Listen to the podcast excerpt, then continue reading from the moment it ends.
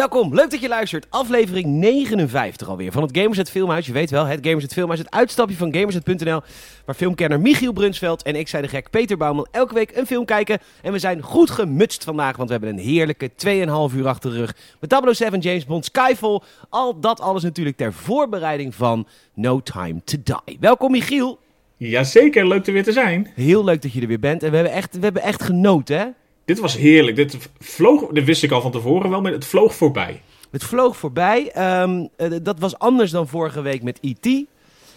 ja, dat, dat kroop voorbij. Ik moet wel zeggen, het is een van de. Ik luister helemaal niet zoveel podcasts van ons terug, maar die van vorige week wel. En wat was die grappig? Ja, vooral niet door de film. En dat gebied soms dan heel veel ruimte voor andere dingen. ja. ja. want nu moeten we echt anderhalf een uur inhoudelijk over een film praten. Maar dat hoefde vorige week helemaal niet. Nee, dat hoeft over alles te gaan, behalve de film. ja. Lekker hoor. Ja, dit was echt heel erg leuk. Eh, ik kreeg ook leuke reacties ook van een aantal mensen die het uh, ook heel grappig vonden. Uh, we krijgen nog een tip om een film te bekijken. Bijvoorbeeld The Godfather. Dat zei Joost. Heb jij The Godfather wel eens gezien? nee. Ik ook niet. Dat zei, ja, maar ik, ja, ja, wat? Ik denk, ik, ik, denk ook omdat ik altijd denk van, oh, oud en duurt lang. Terwijl het, het zijn gewoon classics, eigenlijk volgens velen. Ja, nou daarom heb ik jou vorige week ook IT e laten kijken. Ik dacht, jij wil een keer een classic zien. Oh, zeker. Ja, daar kom je wel op terug dan na afloop. Daar kom je dan wel een beetje op terug. Maar, nee, uh... nou wie weet. Ja, gaat op het lijstje met... Uh, uh, Rambo werd laatst al een keer aangedragen. Dus we hebben sowieso nog een behoorlijke watchlist. Ja, zeker. En hoe was je week? Ja, goed. Ja. Vlo ja, vloog voorbij natuurlijk. Dat, het, is, het is lekker weer, dus dat, dat doet het nog steeds goed. Eh natuurlijk nog een keer een, een podcast matinee van het weekend opgenomen. Is ook altijd gezellig. Ja, was heel gezellig. Uh, ik, ik, ben begonnen natuurlijk met Boa Brunsveld. Dus dat, uh, dat was ook leuk om op te nemen weer.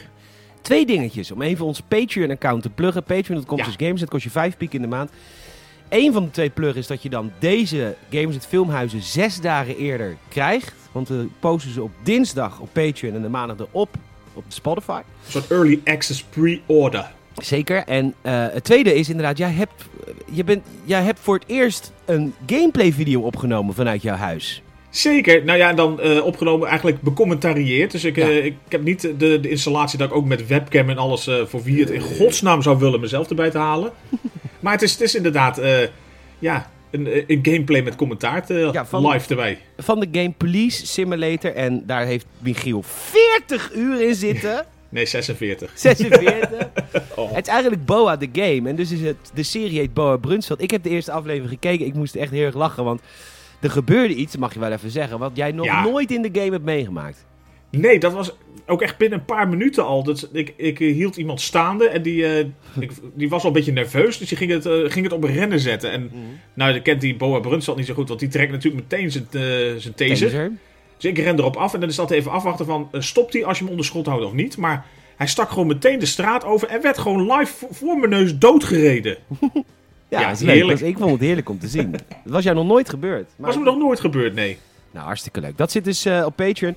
Um, we gaan lekker uh, de film beginnen. De, de, uh, even, wanneer komt No Time to Die uit? Heb je dat al onderzocht? Ik heb het nog niet nu letterlijk onderzocht. Ik kan natuurlijk wel even heel snel doen wanneer die uitkomt. Volgens mij staat die even kijken, op het punt om uit te komen, namelijk op 30 september. Leuk, zullen, wij, zullen we samen gaan? Dat we een uh, bioscoop in de midden afspreken, tussen waar jij woont en waar ik woon. Oh, dat moet toch wel leuk. Waar moeten we dan afspreken? Hout of zo? Wat, wat ligt in het midden? Ja, iets Utrecht-achtig, ja. Een klein, je hebt zo'n hele grote, uh, net voorbij Utrecht heb je toch zo'n klein plaatsje met een hele grote bioscoopzaal. Daar reed ik altijd voorbij als ik naar Brummen reed. Dat was vroeger ons kantoor. Waar, waar ja, je hebt volgens mij in, in Ede. In Ede. Daar staat ja. langs de snelweg zo'n gigantische ja, bioscoop, ja. Die, die had ik eigenlijk in mijn hoofd al. Dan moet ik wel iets verder met mij. Ik wou zeggen, dat is iets verder voor jou, ja. Maakt niet uit, heb ik wel ervoor over. Zullen we gewoon samen naar de bioscoop gaan? Dat wel heel leuk vinden. Of, nou, of wilde je dit lekker met de kinderen kijken? Zo'n familiefilm. leuk voor de allerkleinste. Twee uur en drie kwartier duurt dat kreng ook. Wat een monsterlijk lange film wordt dat. Ja, maar het is wel Craig's laatste film. Zullen we, ja. Uh, zullen we eerst even beginnen over de hele Craig-era? Uh, eerst, Michiel, is Skyfall een goede film? Ja. Skyfall geen goede film? Nee. Ja, ik heb het overlegd. Nee, nee, ik heb het helemaal niet overlegd. Skyfall is gewoon echt een goede film. Zeker weten. Hartstikke goed ja. mee vermaakt. Hey, zullen we het even hebben over Craig? Ja, over het, uh, het Craig uh, Imperium. Ja, want uh, Daniel Craig gaat zijn laatste film in met No Time to Die. En dat heeft hij, dat, dat zat er, wat, Wat is die man al jaren aan het klagen en aan het kniezen over de rol van zijn leven? Hij lo- loopt hier al een tijdje op eh, voor te sorteren. Ja, hij zit echt heel de tijd. In elk interview zegt hij dat het een, een aanslag is op zijn lichaam. Dat hij niet meer over straat kan. Dat hij het eigenlijk helemaal niet leuk vindt. Ja, je zou denken van... Ja, hij- maar volgens mij heeft hij in het begin ook wel getwijfeld of hij de rol moest doen. Want hij had eigenlijk zoiets van... eh, Hij hij vond het ook niet zozeer dat hij, omdat hij blond was. En je had natuurlijk eigenlijk Piers Brosnan gehad. Die had natuurlijk een beetje het, het, het golvende zwarte. Dat, dat hij heel erg het idee had van dat dat een beetje het, het, het beeld erbij was. Roger Moore was natuurlijk ook niet lichtblond of zo. Die was gewoon oud. Maar eh, dat, dat hij iets had van het wordt James Blond. Dat dat het nou, zou de, zijn. Du- de, Duitse, de, Duitse, de Duitse pers had er niet zoveel mee. De, de, de Britse pers was ook heel erg niet te spreken over de keuze voor Craig. Want die noemde... Nou zijn de Britse tabloids natuurlijk altijd teringlaars. Maar die noemden hem inderdaad James Blond in het begin. Maar dat was al direct na Casino Royale weg. Want dat is het een goede bond. Is een belachelijk goede bond. Hij is gewoon, juist daardoor dat hij niet zo... Ja, Roger Moore had dat eigenlijk ook, maar... Als je terugkijkt, Sean Connery was natuurlijk... Eigenlijk had hij een heel, enorme Hollywood-uitstraling. Ja. Heel gelikt, eigenlijk. En dat heeft hij niet. Nee, en nou, daar heb ik wel wat over te vertellen. Want ik, wat ik zo leuk vind aan Daniel Craig is, hij is echt een teringleier. Ik bedoel, jij hebt van de week Casino Royale gezien. Die man, die, is, dat is, die houdt gewoon van moorden. Ja, daar komt hij goed mee weg, ja. Dat vindt hij zelf volgens mij ook leuk. En Sean Connery had dat ook. Roger Moore had dat niet. Want Roger Moore was trouwens veel bekender nog dan Craig. Hè? Roger Moore was echt een, ook een filmster. Die, zat, die had de Saint gedaan en zo. Dus die was, dat was ook wel een ster hoor. Zeker, zeker. Nee, maar ja, maar hij, dat is natuurlijk een beetje hoe, eh, hoe, hoe eigenlijk de, de hele crack eh, James Bond cyclus zeg maar werd ingezet. Met Casino Royale was natuurlijk, het was ook echt een reboot. Dus hij had ook echt een, verse start. Ze hebben echt eigenlijk in dat opzicht gezegd van we nemen afscheid van alles wat er gebeurd is. Maar links en rechts komen er dan wel wat, eh, wat referenties terug. Wat het dan natuurlijk wel heel leuk maakt. Dat je denkt van oh ja, dat is echt wel weer typisch. Dat ze dat, Nou, eh, zeker in Skyfall. Zeker, heel veel. Maar dat vond ik wel... Ja, ik, ik weet niet, hebben we even om, eh, om, om die eerste twee door te nemen? Ja hoor, tuurlijk. Als jij even wil praten over Casino Royale en Sky of en eh Quantum of Solace. Nou, daar heel kort over, want wat is dat een tering slechte film? ja, nee, ja, la- laten we positief beginnen. Casino Royale ik, eh, staat bij mij heel hoog in het lijstje van een van de betere Bondfilms. Echt subliem is die, gewoon heel tof. Hij is heel rauw. Eh, ja, als je hem nog niet gezien hebt, ga hem zeker even kijken. Ik denk dat het... eh, nee, het, het draait gewoon heel erg mooi om... eh, ja, de opkomst van James Bond als eh 007. Dus eigenlijk over het verkrijgen van zijn, zijn 00-status. Over ja, dat hij een beetje zoekende is van wat mag wel, wat mag niet. Nou, sterker nog, hij krijgt in het begin, van Casino Royale krijgt hij de opdracht. Het is eigenlijk heel, heel kinderachtig. M, het is eigenlijk zo, je mag dubbelo status krijgen als je twee mensen vermoordt. Dat zeggen ze toch letterlijk in Casino Royale? Als je niet Dat kan aftikken, ja. Als je, ja, nou niet, niet zomaar hè, in je vrije tijd. Nee, je moet, daarom. Je, moet, je, moet, je krijgt ze wel van tevoren mee. Je kan niet Dus gewoon het park in en zeggen van hier met die status. Ja, ik heb er nog één van een bargevecht twee jaar geleden. Kan ik die, kan ik die verzilveren? Oké, het was een vergismoord, maar toch. Ik ben de klusjesman. James de klusjesman. drink je vodka martini? Deventer Nee, drink er gewoon twee opgelegd. Ja. Nee, Nou. maar daar kwam hij niet meer weg. Maar nee, eens wel. Hij, hij is natuurlijk, hij, hij, maar hij wordt ook heel roekeloos. Hij heeft een enorm ego. eh, maar ook, hij is heel, eh, dat is emotioneel en persoonlijk eigenlijk. En dat maakt, vond ik Casino Royale gewoon zo sterk. Dat het gewoon echt Is die best wel- emotioneel en persoonlijk dood? Die, die tweede guy, die eerste guy die die vermoordt in het toilet. Nou, dat, dat is natuurlijk... Dat is het bloederig hard. Ja. Maar Ja. dat tweede, die tweede moord, als die, die man door zijn kop schiet op dat kantoor.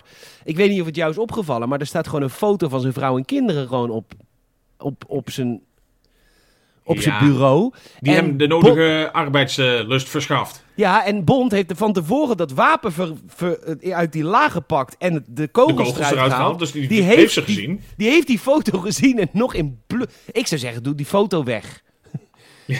Dan maakt het minder erg. ja, vind ik wel. Vind het wel Nee, maar bloedig. ja, dat, dat was wel eh, in eh koele bloed. Koelbloedig, zoals Ja, ze bij meneer meneer Cactus. en kun je niet zeggen. ja, bij meneer Cactus wel hoor. Ja, die weet Het zou zeker. ook een goede bond zijn trouwens. Meneer Cactus. Met dat snorretje. De neem is tus. Cactus.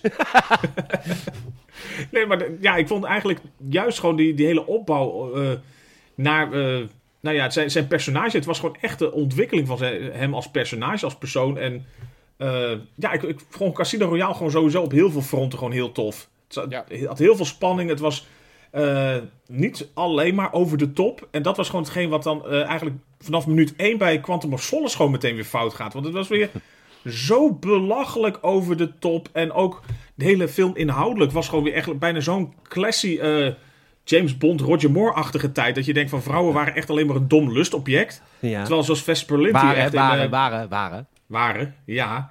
Maar zo- zoals Vesper Lind in Casino Royale, die, dat was er eentje echt. Eentje die, die, die stond, eh, stond haar vrouwtje wel. Ja, zeker. En dat, dat was gewoon juist daar ook zo tof aan. En meteen in deel de, eigenlijk in het vervolg werd alles wat zeg maar Casino Royale zo tof maakte, werd in Quantum of Solace, waarbij het dan ja, eigenlijk volgens mij een beetje draait om losse eindjes aan elkaar te knopen, werd een beetje zeg maar op, opmaat gemaakt naar van eh, er is zeg maar een extra geheime organisatie waar jullie niets vanaf weten en daar moet je maar eens mee zien te dealen. Dat is een beetje Waar ze nog niet de rechten voor hadden overigens. Dus ze mochten nog geen Spectre doen. Nee, dat werd later pas natuurlijk eh, dat ze daar wat mee konden. Dus nu was het eigenlijk zeg maar Quantum was een beetje een soort eh, nou ja, lokale divisie van. Van Spectre hebben ze het later zo gemaakt, ja. Ja. En ze hadden natuurlijk wel de pech, dat was volgens mij rond 2008, dat er heel veel van die schrijversstakingen kwamen. Dus het, qua script en zo was het ook niet allemaal ideaal. Het was ook Nee, die, die korte. film is gemaakt door de stuntmensen, denk ik. Nou, bijna wel. Volgens mij heeft zelfs ook Daniel Craig st- stukjes bij mogen dragen aan het script. Ik denk, nou ja, als je daar je acteur voor moet gaan vragen, waar is de rest? Ja. Ja, die, die, ja, die vond ik om die reden eigenlijk was hij weer zo... Ja, klassiek, maar daardoor ook was het zo'n stijlbreuk eigenlijk met juist hoe Casino Royale gewoon weer heel tof was. Ja. Nou. Maar ja, dus dat dacht ik van, oké, dan dus Casino Royale was super tof. Quantum of Solace was, eh meh. En Skyfall stond eigenlijk van bij eh Subliem. Ja. En Spectre weer iets minder. Ja, nou ja, die ga ik dus binnenkort natuurlijk ook wel nog even kijken als eh, voorbereiding. Ik denk, dan hebben we de, het hele kwartet klaar. Ja. Ik denk, ja, Sky, ik denk Skyfall is subliem. Ik denk dat ik hem nu inmiddels naar, natuurlijk weer even goed heb gekeken. Nu dat ik hem toch wel onder Casino Royale ga plaatsen. Ik ook. Ehm, nog één dingetje. Wat ik even gezegd hebben over dat eh, Roger Moore een vieze oude man is. Dat is natuurlijk wel zo. Maar eh, Daniel Craig is nu bijna net zo oud als Roger Moore ook was. Alleen mensen zien er gewoon nu veel beter uit. Of ze worden beter opgepoetst, maar hij, hij ziet er inderdaad... eh, Want Roger Moore is zijn laatste film, A View to a Kill, met, hoe heet je ook alweer? Die, die acteur, die, die blonde... die Max Zorin speelt en zo, die ja, kerel. ja, ja, ja, ja. Ja, eh, oh, oh, oh. ik het hondje zeggen, hè? echt hè, maar als je hem ook nodig in. Jungle eh, Book die gorilla. Dan gaat hij zingen. Dat doet hij echt fucking cool. Christopher Walken. Christopher Walken. Ja. En, eh, maar daar is echt, daar is Roger Moore in die film, ik heb hem laatst gezien, echt een seniele oude man. en wat ze in die film toen hebben gedaan, ah, misschien moeten we een keer een Roger Moore film kijken samen. Misschien Wat ze in die film hebben gedaan, toen hebben ze hem een soort maatje gegeven, een soort buddy die hem helpt in de hele film. Die nog 300 jaar ouder is. is. Ja, die, Om- ou- die, de Om hele tijd als Roger Moore maar een soort van minder seniel te laten lijken. Ja, dat viel me later ook op. Dat ik dacht inderdaad van hij ging de hele tijd dus met die oude kerel op stap. Alle, en die was dan inderdaad nog duidelijker, nog ouder, zodat je dacht van, oh, James Bond is eigenlijk best wel een vlotte vent. Ja, maar goed. En, en achteraf gezien respect voor Roger eh, Moore. Want eh, Daniel Craig die is alleen maar aan het zeiken over hoe zwaar en hoe slopend de rol is. Dat deed eh, Pierce Brosnan ook. En Roger Moore heeft nooit geklaagd of gekniest. En die heeft er dus zeven gedaan. Waarvan een keer twee in twee jaar. En die man heeft nooit geklaagd over zijn rol van- van James Bond. Nee. En eh, Daniel Craig die klaagt steen en been ook over dat hij... Ja, ik heb er spijt van dat ik ooit heb gezegd dat ik mijn eigen stunt zou doen. Denk ik, ben je dan nu te trots om te zeggen... misschien moet je er iemand voor regelen. Ik ben ook al over de 50. Echt, hè? Maar dan ga je wel in de media zitten zeiken. Maar dat, dat geeft zo'n persoonlijk tintje even. Hè? De- hoe zwaar je het hebt, dat je al die miljoenen binnenharkt met hele toffe films maken en zo. Zullen we beginnen? Ja, laat beginnen bij het begin, Leuk. toch? Eh, James Bond met wapen in een hal. Een paar doden op de kamer. is het script. ik wou zeggen, zit je- is, oh, is dit een, eh, een droge rehearsal? ik, ga weer, ik ga weer een haiku maken. Wapen in hal, gaat af. Oh nee, dat is al te veel. Nee, hij komt in een een of ander hotel en hij, eh, hij, hij praat duidelijk met M aan zijn boordradio. Ronson is dood en de harddrive is weg. En eigenlijk is die harddrive waar het hele eerste stuk van de film over gaat. En ook een beetje tussen de ruzie tussen eh, James Bond en M. Want hier, hij komt dus die hotelkamer binnen. Zijn collega-agent Ronson, die is dood. Of die is sterrenvonden. Sterrenvonden, ja, zeker. Dan zegt eh, M zegt, vergeet Ronson, eh, ga achter die harddrive aan die vermist is. En dan zegt James Bond, zegt, ja dag, ik moet eigenlijk hier Ronson helpen. Heel eerlijk, Michiel, je hebt Casino Royale gezien. Dat is niet James Bond zijn karakter. Die, mee, die is meedogenloos. Voor Queen and Country. Die zal nooit zich bekommeren om een medeagent die kapot ligt te gaan in zijn eigen bloed... als de missie nog niet voltooid is. Nee, dat zit, zit niet heel snel in hem. Hij zou eh, nou, eigenlijk wel precies wat hij nu volgens mij doet. Alleen dan niet met zoveel twijfel. Want hij, hij Nee. ge- geeft hem even een klein beetje hulp van hier heb je doekie. Hij geeft hem een doekje voor het bloeden. Letterlijk inderdaad. ja.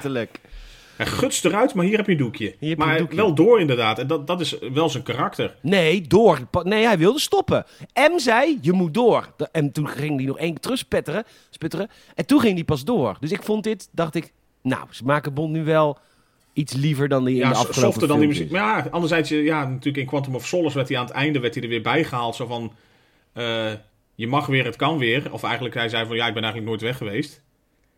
Maar Nee, want in dat- elke film is die weg. ja, uiteindelijk gaat hij wel een keertje weer weg.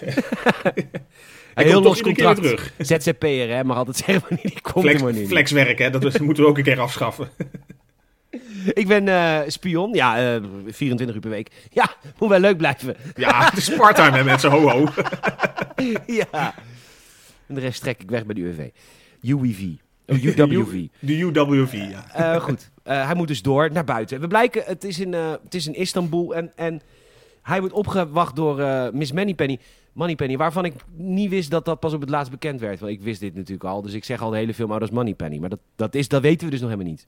Nee, als je de film een keer gezien hebt, dan weet je het inderdaad. Hmm. Maar ja, als je dus, dan ga je haar ook altijd zo zien. In het begin denk je de hele tijd, dus de eerste keer, dat had ik dus ook, dan denk je, want dat is gewoon een, een handlangster. Maar dan Ja. later wordt haar rol pas echt duidelijk een beetje in het eh kanon van James Bond, zeg maar. Ja, gepast, ja. Ja. Ehm, eh, dus hij gaat naar buiten, we zijn in Istanbul. Eh, hij moet instappen bij Moneypenny. Eh, en zij rijden achter een zwarte Audi aan. Ze rijdt een buitenspiegel aan gort. En dan zegt hij, prima, je gebruikte hem toch niet. Hè? Ook heel leuk. Lekker aan het rijden. Bond grijpt, ja, Bond grijpt op een gegeven moment ook in bij Moneypenny's rijkunsten. En werden uiteraard politiemotoren. Dit is een hele vette eerste achtervolging, vind ik. Zeker. En het is ook in dat opzicht wel weer heel classy. Dat zeiden we ook tijdens het audiocommentaar wel. Dat het, het is ook weer dat er dan weer politie bij komt. Want eh, bijna elke klassieke James Bond scène was eigenlijk hij en een eh, bad guy. Maar altijd was dan ook de lokale politie die zich ermee ging bemoeien. En daar leerde je altijd de lokale sirenes bij. Vond ik altijd heel erg leuk. Dat je bijvoorbeeld eh, Roger Moore dan in Italië was. En dan hoor je dat... En die hebben dan hele rare ambulances. En dan was hij weer in Duitsland. En dan hoor je weer die... eh Raus! Raus! Raus! Raus! Dat is zo'n beetje dat Duits, hè? Heel Ja, eh, die auto die, die, die hakkelt ook een beetje vooruit op die vierkante wielen. Oh ja, want Duitsers kunnen geen auto's maken. Mooi. Duitse Grundlichkeit. Ja, grondigheid, ja. Hm. Maar ehm, dus eh, de politie gaat onderuit. Bond op een motor erachteraan. Over de daken heen rijden. Ja, heel Ja, en- Trials the Game eigenlijk, eh, zeg maar gewoon eh, allemaal stunts met motoren over daken heen. eh. ja, het, het zag er heel vet uit. Heel vet. Eh, de man die ze achtervolgt, die dus de data heeft, want daar gaat het allemaal om. Die, eh, die belandt op een trein. eh Moneypenny schiet. Bond gaat er achteraan op de trein. En dan zegt Moneypenny tegen M: Ja, ze zijn weg op een trein. En dan zegt M, die in deze film meedogenloos is: Ja, ga er dan achteraan. Ja, hè? Nou. Moet je alles voorkouwen? Ja. En dan de stunt op de trein met een graafmachine met Bond. Vet. Maar wel dom. Want hij ja, het was niet heel slim, want hij had inderdaad zoiets van... eh, hij zette de achtervolging in, maar hij eh, kon er ook niet meer zo heel goed bij. Maar hij gaat dan in een graafmachine zitten. Heeft hij blijkbaar zelf een briljant plan mee bedacht. Maar je bent natuurlijk super kwetsbaar als je in zo'n stomme cabine zit... voor iemand die met een Uzi op je zit te k- knallen. Daar wordt ook direct neergeschoten in zijn borst. Of nee, eh, in zijn schouder, denk ik daar. En eh, nou ja, uiteindelijk rijdt hij met die, eh, met die graafmachine over wat Beatles heen, die ook op die trein staan, Volkswagen Beatles. Eh, de, de antagonist ontkoppelt de wagon en dan zet Bond de kraan in als een soort verbinding. En dan het gevecht op de wagon.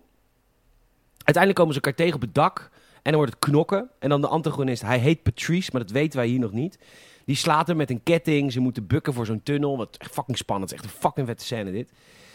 En dan, ehm, dan heeft Moneypenny zich ondertussen al ver op een rots verschanst met een enorm wapen wat achter in de wagen ligt. En die zegt, I may have a shot. En dan zegt M tegen haar, take the shot. Want zij ziet zowel Patrice de vijand als Bond vechten. Maar ze zegt, ik, ik heb geen clean shot. Dus als ik nu schiet, dan schiet ik misschien wel Bond neer. En dan zegt M gewoon meedogenloos, schiet dan. Dit is een order. Want anders raak je hem misschien kwijt. Ja, die, eh, anders die die, Patrice. die, data, die data die hij bij zich heeft, die blijkbaar heel belangrijk is. En dan schiet ze inderdaad per ongeluk Bond neer. En dan eh, zegt ze agent down. En dan valt Bond een ongelooflijk... Gigantisch en omlaag. Maar hij komt ook zo lelijk terecht. Gewoon, niet, niet, niet zeg maar eh, lekker uh, synchroon duiken of zo. Maar Nee. gewoon echt... Niet, ook niet zo plat op je pens, zoals je zelf hebt. Als je, wat ik zelf vaak heb als ik in het zwembad denk van... Oh, nu ga ik even een keer proberen lekker te duiken. Dat- En dat Sowieso- hele rode buik daarna. ja, echt zo vol op die pens. Weet je wat ik wel... Ik mag ik een verhaal vertellen? Dat mag zeker. Nee, het is niet dat je van de duikplank hebt gepist, toch? Ik begin een beetje te giechelen, omdat het best wel een raar verhaal is. Maar ik was acht of zo. En mijn neefje ook. Ik heb een neefje uit Ierland, Gary, ook acht. Of misschien waren we wel tien, weet ik ook allemaal niet. Of 18, maar... Of 34. Nee, wacht, het was vorige week. En eh, nee, want mijn oma leefde nog. Het was heel grappig. We waren op de boot. Op de, want mijn vader had natuurlijk een jacht. Oh ja. En eh, ik was jarig. En dus mijn oma was er en mijn tante en mijn neefje uit Ierland was er ook mee. En eh, op een gegeven moment hadden we bedacht, we gaan naakt skinny dippen. Dat heb je als Ja, kind wel eens. Dat is leuk. toch? Naakt skinny dip. Of Ja, nee, ook- gewoon gaan skinny dippen. Dus eh, mijn neefje en ik trekken onze kleren uit. Oma in shock. Celia, zo heette mijn oma, had in al, die was al 30 jaar weduwe. Dus die had al 30 jaar geen penis gezien. Maar toen zag ze er twee. En eh, die was helemaal in shock. En toen sprongen wij dus van de boot af. Maar ik had dus helemaal niet bedacht dat je dat echt even moet afdekken. Want je balzak schiet gewoon terug richting je keel, hè? Ja, echt. Dat Dan kan het hele traject van indalen opnieuw beginnen. Dat heeft uiteindelijk 2,5 jaar, nee. Nou, Maar eh, dat- mensen. Maar ik, nou, ik denk dat Bond net zoveel pijn had na deze val als ik toen had. Dat is eigenlijk de conclusie. Ja, en hij viel dan niet op zijn scrotum, maar hij viel dan zeg maar hoofd eerst, maar eigenlijk wel al een beetje zeg maar schuin zijn nek geknakt. Dat ik denk van, nou, als dat niet aan alle fronten breekt en het dwarslazy wordt, Nee. Ja, Ja. ja. ja, maar leer ons bond kennen, hè.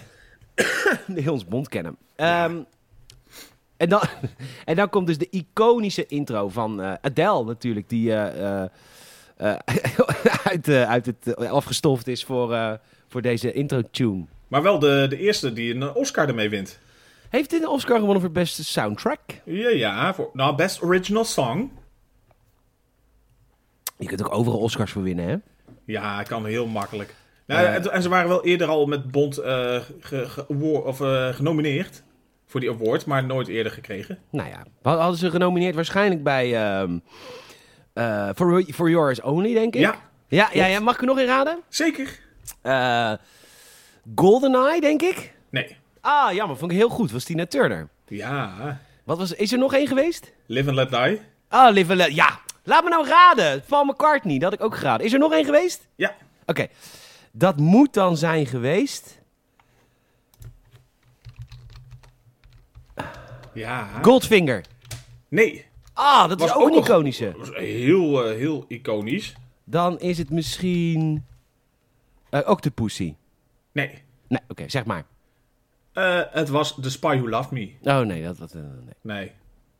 Maar ja, Live and Let Die was het, wat dat is... ze- ja. Sterker nog, Live and Let... Sorry, het wordt een beetje een lange podcast, maar ik weet heel veel over Bond. Omdat ik ook de Bondcast luister. Kijk, Maar Live and Let Die was de eerste eh Bondfilm van Roger Moore. En die ging ze dus helemaal anders doen, want dat doen ze natuurlijk elke keer bij een reboot. zeker. En Live and Let Die is, de, is volgens mij de enige James Bond film waar de James Bond tune, dat zit daar niet in. Oh. Omdat de regisseur vond het nummer wat Paul McCartney schreef zo goed, dat Tu, heeft hij alleen maar die scores voor gebruikt. Oké. Vet hè? Wat vet. Goed. Muziek is geweest. We zijn eh, eh, op MI6. Het is kut weer. Eh, MI6 zit natuurlijk in Londen. En dus het is altijd kut weer. Het is altijd kut weer. Ja. En M, de baas, die schrijft het overlijdensbericht van James Bond. Ze moet naar de nieuwe chairman. We gaan het nu even uitleggen. Leg even uit wat er aan de hand is en waarom zij nu op het matje wordt geroepen. Nou ja, Ik weet dat wordt later uitgelegd, maar het is voor het bespreken van de film makkelijker als we dat nu even alvast vertellen. Nou ja, volgens mij, ik weet niet of ik dan te kort, eh, te beknopt zeg eigenlijk, maar volgens mij wordt zij eh, vooral op het matje geroepen, omdat die lijst dus blijkbaar uitgelekt is met alle ge- geheime agenten, waar dan ook ter wereld, die eigenlijk vanuit het MI6 zijn ondergebracht. Precies, Dus- dat was die data. Die belangrijke data die dus die Bond probeerde te achterhalen van die Patrice. Dus die, eh, daarom wouden ze die ook zo graag hebben, waarvan je achteraf denkt van wie de fuck zet dan al die namen en aliasen zeg maar lekker op een harde schijf. Van iets wereldwijds eh, Dat het, als iemand het te pakken hebt, heb je het in één keer van iedereen. Dat is natuurlijk heerlijk, lekker makkelijk. Dat is lekker makkelijk. Maar dus eigenlijk wordt zij vooral aangepakt dan, eh, omdat ze zeggen van, volgens mij eh, ze- ja, hebben jullie de tand destijds misschien met je organisatie niet zo lekker doorstaan en eh, ja, gaat het ook gewoon niet zo lekker met wat je doet. Nee, dus dus is die lijst kwijt. Maar bovenal, die lijst die is encrypt.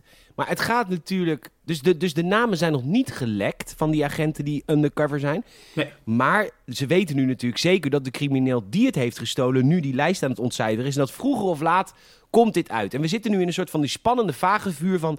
wanneer gaan die namen breken of lekken? Breaking news. Maar wanneer gaan die namen lekken? En zij wordt op het matje geroepen bij de chairman van de Defense of zo. Hij is Ja. politiek, hè, Mallory? Ja, dit- ja, zeker haar eh, superieur is het. En dat is Mallory. De, eh, eh, en, zij vindt het belachelijk dat ze zich moet melden bij hem. Want zij vindt hem maar... Zij, hij, is van, hij is verkozen of hij is van de burgerij natuurlijk. Ja, gewoon de, gewone burger. En, eh, maar zij doet belangrijk werk en is gewoon druk bezig met het eh, runnen van haar eh, divisie. ja, En denk van, wa- waarom moet ik meer met eh politics en andere geneuzel bezighouden? ja, precies. Wat doe ik hier? Nou ja, ja en, en, en, zijn standpunt. Dus ja, je wordt teruggeroepen door, door het volk eigenlijk. Wij, wij hebben jou aangesteld om dit te doen en je faalt. En hij zegt ook, ik vind dat je over twee maanden vrijwillig moet vertrekken. Dan ga je helemaal eervol laten gaan. En dan zegt zij, dank je de koekoek, ik ga niet weg. Ehm, en dan rijdt ze ook weg, samen met haar eh, ja, soort secretaris Tanner, die haar constant begeleidt. Ja, haar PA is een Haar beetje een PA. soort... eh, ja. Al, al sinds de eerste film, volgens mij. En dan eh, krijgen ze opeens een, een melding van... oké, iemand probeert de harddrive te ontcijferen. Ja, van, waar vandaan dan? Ja, vanaf, vanaf ons eigen hoofdkwartier, vanaf MI6. Dus ze rijden kaart naar MI6 toe... En, dat, en dan zeggen ook dat het via M's computer allemaal gehackt wordt. En dan komen ze bij MI6 aan en dan ontploft haar kantoor. Ja, heerlijk. Ja, het echt een, een soort terrorismegevoel was een beetje van. Er is gewoon een aanval op MI6 bezig. Dus het is niet alleen dat zij dus blijkbaar denken van we moeten achter iemand aangaan. Maar er wordt ook echt op hun aangevallen. Dat is overigens nog helemaal niet zo heel lang geleden gebeurd. Want volgens mij gebeurde dit ook in The World Is Not Enough.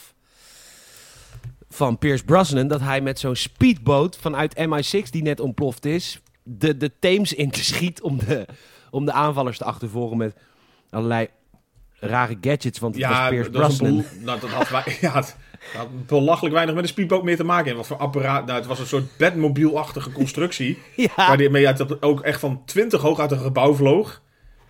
Ja. Nee, ja, ik, ben, ik weet niet. Ik heb niet zo'n hekel. Ik vind Pierce Brosnan een leuke vent. Alleen zijn Bondfilms werden een beetje raar. Nou ja, dat, en natuurlijk, dat is dan niet de schuld van de acteur. Want eh, ik bedoel, dat hangt van alles samen. Wat de visie is voor de, de nieuwe Bond, of de Bondfilm, zeg maar. Dat de screenwriters, scenaristen, wie er ook allemaal wat over te zeggen heeft. Ik doe even heel snel mijn trui uit, want ik krijg dat heel warm als ik meer een podcast maak, zoals je weet. Ja, zeker. Maar dat is natuurlijk ook een beetje het, het, het enthousiasme rondom de film. Ja, want ik Ja, heb hier heel veel kennis over, dus dat vind ik dan leuk. Ehm, Oké, nou, MI6 ontploft. De, eh, de hacker is via M's eigen computer, heeft hij die dingen ontcijferd. En dan schieten we over naar Bond. Die Waarvan- verrassend genoeg het schot heeft overleefd. Ja, en ik vind dit wel een beetje opeens. Ik had wel verwacht, er zit iets meer backstory achter, zeg maar, de dood van Bond. Al dan Ja. niet. Maar nee, hij heeft het overleefd. Er ligt te naaien op een, een of andere... eh, Typisch onder- Bond. typisch Ja, op een, ja, het is op een of ander tropisch eiland of zo. Een le- lekker strandje. Hij heeft eh, blijkbaar een vrouw daar weer gescoord. Het is ook een beetje plat natuurlijk eigenlijk, maar het is een lekker barretje en daar hoort hij van de aanslag. Nou ja, dit is ook de product placement hè, waar de Nederlanders heel trots op waren. Want hij ligt daar op bed met die vrouw. En hij drinkt een Heineken. En dit is niet de eerste Heineken die gedronken wordt door een bondachtige. Waarvan je zou denken, die mensen drinken allemaal eh wodka martinis en rare... luxe, luxe shakes? Nee. Aperol Spritz? Nee. dat is lekker luxe. hij gaat naar de lokale strandtent. En jij werd echt een beetje verliefd op dit plekje, hè? Ja, het zag er toch mooi uit. Het is gewoon zo- zo'n idyllisch plekje. Gewoon een lekker uitzicht over een enorme baai. Gewoon een mooi strandje ernaast. Dat je denkt van... Als je een keer wat ander werk wil zoeken... dan ga je toch gewoon lekker daar achter de bar staan. Je vuurt een paar kano's overdag. En eh, s s'avonds maak je feestje. Ja, nou ja, ik heb, eh, ik heb een huis op zo'n plek. Tenminste, mijn familie. En ik ben er ook maar één keer per jaar. Ja, prioriteiten hè. Ik mis Curaçao. Ja, eens. Maar goed, Logisch. eh, hij- gaat een spelletje doen s'avonds. Waarschijnlijk een lokaal gebruik. Wat, wat is eh, wat een top 3 van de engste beesten op aarde is, wat mij betreft? De gnoe. Hij moet met een scorp- schorpioen op zijn hand moet hij een borrel drinken. Echt zo tering eng. Want als je dan die borrel drinkt, en dan komt die schorpioen heel dicht bij je oog. En dan worden onder, allemaal mensen zetten geld in van lukt het hem of lukt het hem niet. Ja. En, eh, en het, je hem lukt, weer. het lukt hem wel, hij verdient zijn geld. En, en, en dan, dan gaan we direct naar de volgende ochtend. Hij heeft de hele nacht in die bar nog gezopen. Hij zit in zijn eentje 's ochtends nog een borrel te drinken. Ja, gewoon En- een beetje, een beetje nakaarten. En eh, op welk eiland je ook zit, overal hebben ze CNN. En hij ziet daar de aanslag op MI6. En hij denkt dan, ik moet terug. Ja, I Ja, guess. dit- dit- hij wordt hier toch, denk ik, ge- genoeg door getriggerd. Zo van, eh, voor volk en vaderland. eh, ik, ik moet inderdaad weer terug. Er is een aanslag echt op, op mijn basis, op mijn kantoor. Dus hij komt terug uit de dood, zeg maar. Want hij heeft zichzelf natuurlijk een beetje... eh, Nou ja, kantoor, hij is er amper. Het is voor hem een soort Regis workspace. nee, ja, maar... dat- dat- ja, hij, ja, kantoor, mijn kantoor. Het is, het is wel zijn, ja, zijn basis als Double O. Ja, zeker. En dan zijn we terug. terug. En zijn we terug in Londen. En, en het is één ding wat wel echt opvalt in deze film. Er is geen James Bond film die zich zoveel in Londen afspeelt als deze. Heel veel, ja. Inderdaad, wat je zei, die eh Pierce Brosnan had dan even die scène daar op de Thames. Maar voor de rest, hier komen echt veel, eh, veel momenten in Londen voor eigenlijk. Ook buiten, maar ja, nu dan ook even veel daar nog binnen even. Nou, toen dacht ik nog, dat zal wel een bezuinigingsslag zijn. Maar toen zei jij nu... Nee. nou ja, het, volgens mij hadden ze iets van 200 miljoen budget. Dus dat was ook geen, eh, geen schamel bedrag. En dan maakt een paar vliegtickets ook niet uit natuurlijk. Nee. het was bijna een verdubbeling volgens mij ten opzichte van Casino Royale. Ja. Maar die hadden natuurlijk ook, eh, nou ja, uiteraard ook veel in dat casino eh, de scènes zitten. Maar ja, dat, ze hebben hier fl- flink voor uitgepakt. We komen terug in Londen en ehm, M komt thuis na het afscheid van de mensen die gestorven zijn tijdens de aanslag. En daar is Bond in haar huis. Waar was je, zegt ze. Nou, hij zegt ja, 007 reporting for duty. En drinken hij- en naaien. Wie nou op het tropisch eiland? En jij? Ja, hoezo? Ik niet, ben weduwe. Haha. Eh, hij is wel een beetje ehm, kleinzerig, vind ik, in, in deze scène. Want hij is echt een beetje gepikeerd, omdat M toen had gezegd tegen Moneypenny, take the shot. En als je 007 bent, en hij is dit ook al langer, en je werkt niet voor M, maar eigenlijk voor Queen and Country, dan weet je dit. Dan Had kun je toch ook, dat- ja, dan kan je dat haar zo niet kwalijk nemen. Want Ja. dan had hij gedacht van, dit is voor haar de enige logische keuze. Ik vind dat vaker, dat vind ik het enige kritiekpunt op Skyfall en de laatste 20 minuten, is dat Bond soms niet als Bond reageert. Hij is hier echt paddy. Ja, Eh. eh, ja een beetje ge- eh, onterecht gepikeerd of zo. Ja. Hij zegt ook, Ronson is zeker dood. En zegt M, ja, hè hè, tuurlijk. Hij deed zijn werk. te bloeden. Ja, hij deed zijn werk net als jij je werk doet en net als ik mijn werk doe. En dat ik dan toevallig meer verdien en nooit in gevaar kom. Ja, Ja, hallo, eh, dat je maar moet zwaar. studeren, mbo'er. dat je mbo 4, geheim agent. Hè? Theoretische leerweg. ja, theoretisch kader. Maar goed, en dan zegt ze ook op een gegeven moment, want zij, zij denkt ook, want M geeft Bond in nooit gelijk deze film, eigenlijk. Ze blijft altijd bij de standpunten. Ze zegt ook, waarom ben je dan terug? En dan zegt Maar dus ja, eigenlijk is dat al een beetje gaande ook natuurlijk sinds eh, Casino Royale en Quantum of Solace. Want dat is een beetje in, ik weet niet of dat gewoon bewust is, hun nieuwe verhouding of zo. Want eerder was het altijd een beetje, M was een beetje de formele opdrachtgever. En daar kreeg ik een keer wat van. En zij natuurlijk een beetje nu eh, Judy Dench het is gaan doen, veel actievere rol eigenlijk in zijn missies gekregen. Dat ze dat wat duidelijk, maar ook altijd een beetje is dat ze hem al, moet controleren of corrigeren, zeg maar, de hele tijd. En wat ik zo leuk vind aan haar en deze rol als, als M, en dat had ze niet met Pierce Brosnan, want toen zat ze er ook al. Maar zij is een van de weinige dingen die overgekomen is van Pierce. Eh, wat ik heel erg leuk vind is dat, oké, heel cliché. Eigenlijk is de rol tussen Bond en M een beetje moeder en enfant terrible. Maar het toffe aan deze situatie is dat zij dat helemaal niet wil. Zij heeft er helemaal geen zin in. Ze heeft geen zin in dat geknies en dat geklaag. En hou toch gewoon een keer je Hou mel en ga werken. mel. Ja, nee, maar echt. En dat merk je deze hele film. Ja. En ze zegt ook letterlijk, zegt ze, waarom ben je dan terug? Kom, ga weg. En dan zegt hij, omdat we under attack zijn. Nou goed. Ja. Dan zegt zij ook streng, nou prima, nu is ze wel met je moeder. Je mag terugkomen als je alle testen haalt. Je double O-testen moet je weer doen. Hij zegt, nou oké, prima, gaan we naar huis. Zegt ze, nou, we hebben je huis verkocht, want je was dood, weet je nog? Ja, alles weg. haha. Nou, volgende ochtend moet hij dus de testen doen. Dat doen ze in een nieuw kantoor. Want ze vonden het eerste MI6-kantoor achteraf, hè, na die aanslag, niet zo'n veilige locatie, zeg maar. Een enorm pand aan de Theems. Nee, dat, eh, het, was niet anoniem genoeg, zeg maar. eh. Op, op, ja, dat ze dacht van, de, nou ja, de, de voorpui ligt er ook inmiddels helemaal vanaf. De, ja, dit had wel beter gekund. ja, een, een pasjesysteem is niet afdoende. Nee. Een soort OV-chipkaart. Ehm, en, en hij komt bij de nieuwe, eh, het nieuwe hoofdkwartier. En dat is Churchill's oude bunker. En daar had jij nog een leuk verhaal over. Nou ja, leuk verhaal. Het is eigenlijk een beetje dat het eh, ook, ook gewoon een echte locatie is, zeg maar. Dat er gewoon heel veel van dat, eh, van dat gebied waar, zeg maar, daar onder de grond, dat, dat is ook echt gewoon daar in Londen. Dat- sowieso, volgens mij heeft Londen heel veel van die oude, Oude troep. ondergrondse dingen. Oude troep. Smoetsig. maar dat, dat eigenlijk, dat vond ik wel leuk eigenlijk. Dat ze gewoon best wel veel nou, daadwerkelijke ruimtes hebben benut, zeg maar. En dat is ook het mooiste aan Groot-Brittannië. Maar ook waarom het een ontzettend naar vervelend kutvolk is. En waarom ze nu geen Europeanen meer zijn. Ja, de Britten en hun gevoel voor geschiedenis en stijl en traditie. Als, je daar, als ik door Londen rondloop, ik vind het de mooiste stad van Europa.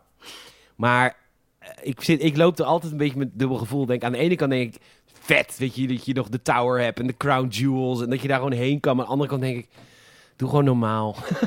en dat heb Ja. ik ook een beetje met James Bond soms. Aan de ene kant is het super vet. Aan de andere kant denk ik, doe normaal. Kom op. Maar in ieder geval, die, ruimtes daaronder die zijn dus ook echt eh, voor het publiek open, hè, als een soort museum. Leuk, uiteraard. Mocht, mocht je een keer in Londen zijn, er, er valt wel een, een, een dollar, een, een pond, een euro aan te verdienen. Nee, absoluut niet. Want Nee. Het is een gratis museum. ja, alle musea zijn gratis in Londen. Want het is Londen. En Oh. iedereen moet ons kunnen zien. Ons empire. Nee, dat is allemaal gratis daar. Je kan overal heen. Oh, wat netjes. Maar goed, eh, ze ze vertellen hier ook, jongens, we weten niet hoe lang het duurt, maar dit gaat natuurlijk, uiteindelijk gaan die namen van onze agenten gaan gewoon op straat komen, maar we hebben geen idee wie erachter is. Ondertussen, of wie erachter zit. Ondertussen krijgt eh, James Bond zijn test en hij is gewoon echt kapot. Hij kan niet schieten, hij, kan niet, hij heeft geen conditie meer. En ik, het is na te geven, want hij ziet er hier ook echt slecht uit, jongen. Heel slecht. Gewoon, eh, ja, jij zei nog van hij is vlak voor Bond gestopt met twee pakjes eh, sigaretten per Ja. dag. Daniel Craig rookte twee pakjes peuken per dag en is gestopt voor Casino Royale. Om in shape te komen. Ja, en voor, volgens mij voor Skyfalls waren ook wat trivia's dat ze zeiden van hij is ook zes maanden voordat de film begon, eigenlijk eh, de opnames begon, is hij ook weer in training gegaan. En tijdens eigenlijk elke opnamedag ging hij ook nog twee uur lang extra trainen. Ja, Om gewoon maar in shape te blijven. Maar hij zag ja want normale mensen ja. zien er niet zo uit. Ik Nee, toch? gezegd hebben. nee, toch, please? Nee, alsjeblieft. Oh, oh. maar dus, dus ja, eigenlijk, hij zag op dat moment gewoon echt wel heel slecht uit. en hij krijgt daarna ook echt een gesprek met de psycholoog. En die moet allemaal associaties doen, hè? Dus dan zegt, eh, zegt de psycholoog zich Bird. En dan zegt hij Sky M. Dan zegt hij Bitch. Skyfall. En dan zegt hij Done. En dan loopt hij weg. Waarom weet de psycholoog over het bestaan van Skyfall? Want volgens mij weet M het op het eind van de aflevering ook nog niet. Volgens mij wel. Volgens mij, eh, hij zegt ook nog een keer tegen haar dat zij volgens mij wel het, het hele verhaal kent. Oh ja. Dat is eigenlijk een beetje eh, als, als hij daar eh, staat te zeiken langs de kant van de weg. Maar dit is wel gemeen van M dan, hè? Hij is een wees. Ja, Zijn ouders zijn op, op, op, op vroege leeftijd overleden. Hij is opgegroeid op een landgoed dat heet Skyfall. En dan is het wel heel gemeen dat als, als James Bond terugkomt... dat M dan de psycholoog die vraag, of die associatie laat stellen. ja, ik snap hem wel. Want ze, ja, eh, ja, sympathiek, nee. nee, maar toch, natuurlijk, je, je moet iemand weer eigenlijk gaan beoordelen op eh, hoe sterk staat hij in zijn schoenen. Dan moet je denk ik ook wel het, eh, de meest heftige dingen voor kunnen leggen of hem eh, voor het blok zetten. Nou, oké. Je hebt gelijk. Ehm, na deze, na de, de- het gesprek met de psycholoog besluit hij de kogel uit zijn schouder te snijden. De kogel niet van Miss Moneypenny, maar de kogel van Patrice, die eh, terrorist van het begin, die hem toch raakte toen hij in die graafmachine zat. Ja. En hij laat de kogelresten analyseren. Ja, dit was heel CSI, vond ik. nou, niet alleen het analyseren, maar gewoon de uitkomst ook. Nou, de uitkomst was heel James Bond en best wel stom. Nou ja, daarom juist. Maar dat is bij CSI was het eigenlijk ook heel vaak zo. Het was altijd als ze ergens een kogel vonden, want dan gaat hier dus gebeurt dat ook. Zegt ze, die wordt maar door heel weinig mensen gebruikt. Oh, sterker nog, deze Drie mensen. Ja, waarvan we eigenlijk ook al alle data hebben staan. Dus hij kon natuurlijk heel mooi in dit geval aan Patrice aanwijzen. Maar bij een CSI was het eigenlijk ook altijd zo. Zeg maar, dan begon je zo'n case, eh, een moord was er gepleegd of wat dan ook. En er wordt altijd iets gevonden, een, een, een, korreltje stof of een stukje grond uit de woestijn. En Oh, kwam toen- op twee plaatsen kwam dat voor, of zo heel toevallig. Ja, en in de, eerste zoiets. seizoenen, in de eerste seizoenen was het nog met Gil Grissom. En die was Ja. entomoloog. Dus die kon altijd aan de eitjes van de vliegen zien hoe lang een lijk er al lag. Zeker, die ging dan de, de larven-eitjes bekijken en zo. Ja, en ik wel stadion die was. Oh, de eerste seizoenen waren echt goed. Maar goed. Dat Eh, terzijde. Ja, nou, Manny Penny komt, eh, haalt hem op. Ze zegt sorry. Ze mag ook geen werk meer in het veld doen na dit incident. Is hij blij mee? Ja, hij is daar blij mee. Ondertussen zegt ze, ja, ik ben nu assistent van Mallory. Dat is de chairman, hè? Ja. Ehm, en dan moet Bond zich ook melden bij Mallory en M. En hij heeft de testen gehaald, zegt M. En dan stelt Mallory één vraag aan Bond. Die zegt, waarom ben je niet doodgebleven? Je had de perfecte escape. Weinig double O-agenten krijgen deze kans. Dat je gewoon weg kan. Ga naar een Dat je tropisch levend eruit kan en, eh, en gewoon eh, nou ja, doodgewaand kan worden. En bovendien, it's a young man's game, zegt hij. Je bent 50 inmiddels, hè? Stop eens, ouwe knar. Maar M komt voor hem op. Ze houdt hem aan. En ze hebben de kogel inderdaad geanalyseerd. Het is uranium grade. Dat is ook wel heel bond. ja, En eh, nou, net, hij, hij, hij herkent dus, wordt door een van de drie mensen die deze kogel dus gebruikt, omdat ze heel duur zijn. En dat is dan Patrice. Engeland weet niks over deze Patrice. Eh, de CIA wel. En die weet ook dat hij binnenkort in Shanghai is. Ehm, ja. eh, en hier komen we er ook achter volgens mij dat Bond de test niet gehaald heeft. Maar dat M dat voor zich heeft gehouden. ja, want hij heeft dan ook bijvoorbeeld zo'n zo'n zo'n eh, zo'n wapentest gedaan. Waarbij hij gewoon echt een heel magazijn leegschiet op zo'n eh, doelwit, zeg maar. Maar eigenlijk alles raakt behalve dat ding. Ja. Dus waarvan je merkt dat hij ook wel last heeft van de, die eerdere kogels die hem geraakt hebben. Dat hij toch wel daardoor ook wat minder goed gaat mikken. Een beetje een trillend handje heeft. Hij gaat naar het museum en hij ontmoet daar de nieuwe Q. Ik dacht dat deze Q al sinds Casino Royale de Q was. Maar dat was dus niet. Dus, Nee, want er is geen enkele cue aan te pas gekomen in die vorige twee. nee, nou ja, goed. We hebben dus een nieuwe Q. Een jonge, ja, een jonge soort Justin, soort Justin Bieber-achtig type. Bond vindt hem ook te jong. Ja, hij lijkt heel erg op Tom, daarom zeg ik dat. Eh, Bond vindt hem te jong. En nou, prima. Hij krijgt van Q een ticket naar Shanghai. Een Walter PPK met een sensor in de grip. Waardoor alleen James Bond hem kan vuren. Niemand Ja. anders. En een radiotransmitter. Die zijn Maar locatie doorgeeft. Die er ook uitziet als een telefoontje van de eind jaren 90 met zo'n uitschuifantennetje. Ja. Oké, ik heb een vraag aan jou. Ja, mag. Eh, iedereen weet natuurlijk, de beste Bond-auto ooit gemaakt is niet de Aston Martin. Dat is de Lotus die onder water kan. Het lelijke ding. Sorry. Wat, Ja. wat gebeurt hier nou? Ik ga even de opname stoppen, denk ik. Noem, je, Er, er, er komt even een stukje stijlbreuk in. de- noem jij de Lotus nou... ja, ik vond dat zo'n... Ja, Dat was de meest amazing Bond-auto uit de hele geschiedenis van Bond. Die auto kon onder water. Heb je dat niet gezien? zeker wel. Och, wat was dat vet. Daar hebben ze vijf wagens voor gebruikt trouwens. Maar ehm, Zo'n halve Back to the Future die een beetje onder water dobbert. hou je bek alsjeblieft. Doe gewoon normaal.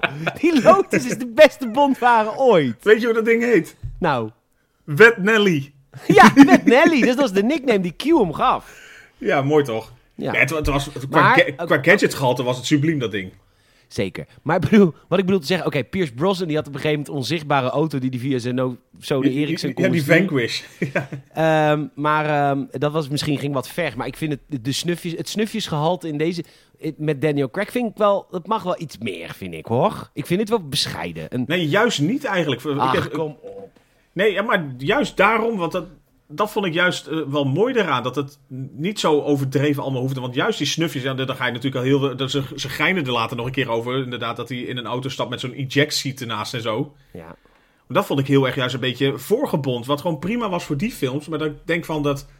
Dat vond ik qua stijl juist weer niet hierbij eigenlijk de, de bonds van eh eh, Craig passen. Heel eerlijk, hij gaat later in de film... zakt hij onder het ijs met een crimineel. Als hij een zaag in zijn Rolex had... had hij die crimineel in het hoofd.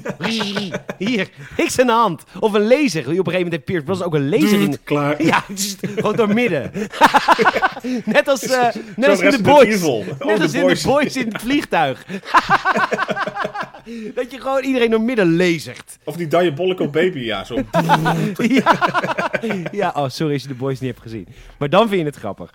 Absoluut. Maar goed, ik vind het weinig snufjes. Hij komt aan in Shanghai. Hij zwemt in het eh, mooiste zwembad op aarde op het dak van een hotel. Hij zwemt hard ook, viel jou op. Ja, hij zwem, nou ja, ik, ik, ik zwem natuurlijk sinds kort zelf ook. Nou, oh, zwem, ik beweeg me voort in het water. En dat, eh, dat, is natuurlijk een beetje, dat zijn een beetje de zwembadetiketten, zeg maar. Hè. Je hebt dan, eh, wat volgens mij vaker gebeurt, een beetje dat eh, als mensen gewoon komen banen zwemmen, dan, eh, dus niet vrij zwemmen en klooien en de glijbanen, maar gewoon een beetje serieus banen zwemmen. Dan is eigenlijk een beetje vaak de rechterkant van het bad is gereserveerd voor mensen die met badmuts en brilletjes en lekker tempo komen zwemmen. Ja. En dan links is zeg maar voor bejaarden en mij. Ja. Nou, dan- Ja, ik, zou, ik kan je wel eens vertellen. Ik heb heel veel gezwommen. Ik zwem niet meer. Ik weet niet meer zo goed waarom. Oh, corona. Ik had een gezin en gedoe. Maar eh, ik moet misschien binnenkort weer eens gaan zwemmen. Maar ik, ik zwom dus drie keer in de week ooit. netjes, en- ik ga morgenochtend weer. Lekker man. En dan, eh, en, maar ik kan dus heel slecht zwemmen. Heel slecht. Ik sleur heel langzaam. Ik ook. Dus dan zit ik echt in de meest linkerbaan. En oef, moe, moe. En dan rechts van me passeren twee oudere dames, ouwe hoerend, over de Bridge Club. En ik kan niet praten, hè. Ik ben moe. en die praten. En die zwemmen me voorbij. En die zijn rond de 60. Nou, ouder ook nog wel. Dat, dat Ouder heb ook ik zeker. Ja, maar en die zwemmen ook gewoon door. Ik bedoel, ik, ik, ik, ik zit, doe het ook echt een beetje om conditie weer eh, te ontdekken, zeg maar. Niet eens te verbeteren, gewoon überhaupt wordt weer in zicht te krijgen. Dus ik, ik zwem er inderdaad gewoon even één keer heen en weer. En dan, dan, dan doe ik even rustig aan. Dan ga, dan, en dan, dan ga ik daarna weer een keertje heen en weer. En uiteindelijk hou ik eh, een stuk of twintig baantjes en dan vind ik het wel best. Ja. Maar dat, er zijn er inderdaad van die ouderen. En die zwemmen gewoon op hun tempo. Wat op zich niet heel veel eh, langzamer is dan wat ik doe. Maar wel gewoon continu heen en weer. Dat Ja, ik denk van nou, chapeau. Ja. Maar hij zwemt inderdaad op een subliem mooi eh dakterras zwembad. Ja, en eh, eh, inmiddels is Patrice de crimineel ook geland in Shanghai. Hoe Amerikanen weten dat hij dat gaat doen, weet ik niet. Vind ik ook een beetje raar. James Bond is ver, eh, vermomd als een soort van chauffeur. Hij achtervolgt ze, eh, eh, Patrice naar een gebouw. Die Ja. loopt het gebouw binnen, schiet direct de conciërge dood. Bond erachteraan, volgt de lijken, was eigenlijk het ding. Want het zijn allemaal lijken die hij achterlaat. En dan gaat Patrice een lift in en dan besluit Bond onderaan de lift te hangen. Moedig, dapper ook, maar Naïef. naïef. ja. Zwaar. Heel zwaar. Maar hij redt het net. Ja. En dan, dan komt hij aan en dan is hij boven en dan zie je heel veel ramen. En, en dan bedoel ik met ramen bedoel ik dan het glas, hè, niet Chinees eten. Want we zijn in China, dus ik dacht misschien kun je denken, er liggen heel veel ramen En noedels. daar op de grond. Maar nee. Ik, ik, was dit hetzelfde gebouw als de Dark Knight? Want het lijkt ook qua beneden heel erg op het gebouw. Het lijkt wel heel veel. Maar het, dat is natuurlijk ook een beetje die, die hele Hongkong scene, eh, zeg maar, wat ze daar maar was dat ook niet Shanghai? Nee, volgens mij gaat die eh, Mr. Lau gaat naar Hongkong, dacht ik. Oh, hmm, oké, oké, oké. Maar goed, hij heeft dus eh, bovenste verdieping. De huurmoordenaar Patrice moet iemand omleggen aan de overkant. Dat lukt hem ook. Hij schiet een man dood. Niemand in, dat, in dat, die kamer waar die man wordt neergeschoten raakt in paniek. Niemand. Nee, de- sterker nog, het, het is blijkbaar een soort geoliede machine van... Er komen meteen twee mensen die, die trekken hem daar weg van zijn stoel. Ja, dan denk ik, had een van die twee mensen hem dan niet kunnen omleggen? Ja, moest dat zo, zo in scène worden gebracht? Want Ja. hij wordt toch wel vol door zijn kop geschoten, dus je kan het ook niet echt verkopen als een ongeluk. Van is Nee. gevallen. Nee, ja, eh, het ging per ongeluk of zo. Ja, ik bedoel, Boa Brunsveld komt er soms mee weg met zulke excuses. Maar dit was wel heel duidelijk gewoon executie. Ja. En eh, daarna schiet hij op Bond, er komt een gevecht. En dan uiteindelijk eh, eh, hangt Patrice in Bonds handen aan, eh, ja, de af, boven de afgrond van de flat. Wie heeft de lijst voor wie werk je? Hij vertelt niks, hij valt naar beneden. Dan eh, onderzoekt Bond de spullen en dan zit er een eh, fiche in van een casino in Macau. Macau, is dat ook een plek in China of is dat iets heel anders? Ja, zeker. Dat is, eh, dat is ook in China. Dat is een beetje een soort... ja, het is een aparte regio volgens mij. Ondertussen krijgt M een e-mail waarin dus de eerste... de- ze krijgt een e-mail, ze ziet iets online. De eerste vijf namen uit de lijst worden openbaar gemaakt. Ja, maar ze, Eh. ze opent een soort phishingbericht, zo van eh, wat overduidelijk een soort eh, of ransomware-achtig iets. alle signalen gaan af natuurlijk. M opent, M opent het gewoon. Want Ja. M is al op leeftijd, hè? die is heel erg gevoelig voor skimming en van... de bank belt, maar we willen wel uw pincode. En M geeft het Oh, dan ook tuurlijk, gewoon. tuurlijk meneer. Ja, Het is een niet lauwe vrouw. een, beetje, een beetje de oude vrouwtje waar, eh, waar Paul de Leeuw in een filmpje altijd zo tegenaan loopt te slaan. Lekker pinnen, hè? Pas. Vijf namen worden er eh, onthuld. Ja. En, en de, de, de, de, de, de antagonist zegt, we doen er elke week vijf. Eh, we gaan naar Macau, de, de casino. eh Moneypenny is er ook. Ze heeft nieuwe informatie. Nou, oh eens even. De entree wanneer, waarmee James Bond dat all-you-can-eat wok-restaurant binnenvaart. ja, dat is wel een beetje de gouden wok, hè? het, is, het is wel heel erg de lange muur Golden Palace en... eh, Ja, en eh, daar in de hoek zit de familie van den Berg. Opa wordt 80. ja, ze zit aan de draaitafel, vonden ze toch even geinig, een gebbetje. ja. En hij gaat die munt cashen die hij in, eh, in Shanghai heeft gevonden. Ja, zo'n 4 miljoen euro fiche. 4 miljoen euro fiche. En eh, er was een vrouw in dat, dat gebouw waar die man had eh, vermoord zien worden. Die vrouw was hier ook weer. En hij krijgt een koffer met geld, inderdaad met 4 miljoen. En de vrouw van de flat is hier ook en die wil een drankje met hem. En eh, ze heet Severine, dat je dat Ja. even weet. En ehm, ze gaan samen praten. En dan zegt ze, je hebt Patrice vermoord. Waarom? Omdat ik jouw baas wil spreken, zegt Bond. En dan zegt zij, careful what you wish for. En dan, Bond heeft het door. Want zij doet heel stoer. Maar zij is, die bodyguards, die drie bodyguards om haar heen, die zijn er niet om haar te beschermen, maar die zijn er om haar in toom te houden. Want ze heeft ook een, een of andere tatoeage, wat vroeger een soort hoerentatoeage was. Dat je. eh Ja, zo'n soort was. seksslavin werd je, werd je eh, ja, op jonge leeftijd dan blijkbaar aan iemand eh, verkocht. En Seksslavin was inderdaad het woord wat ik zocht. Heel gek dat ik er niet op kwam, want ik gebruik het echt Dagelijks. per dag. Ja. Seksslavin. Dat is het eerste wat er in me op zou moeten komen. Nee, Maar ja, ik denk het wel. nee, maar hij doorziet haar dus inderdaad van eh, je doet wel stoer, maar je, je bent eigenlijk doodsbang. En hij biedt eigenlijk aan om eh, haar te gaan helpen.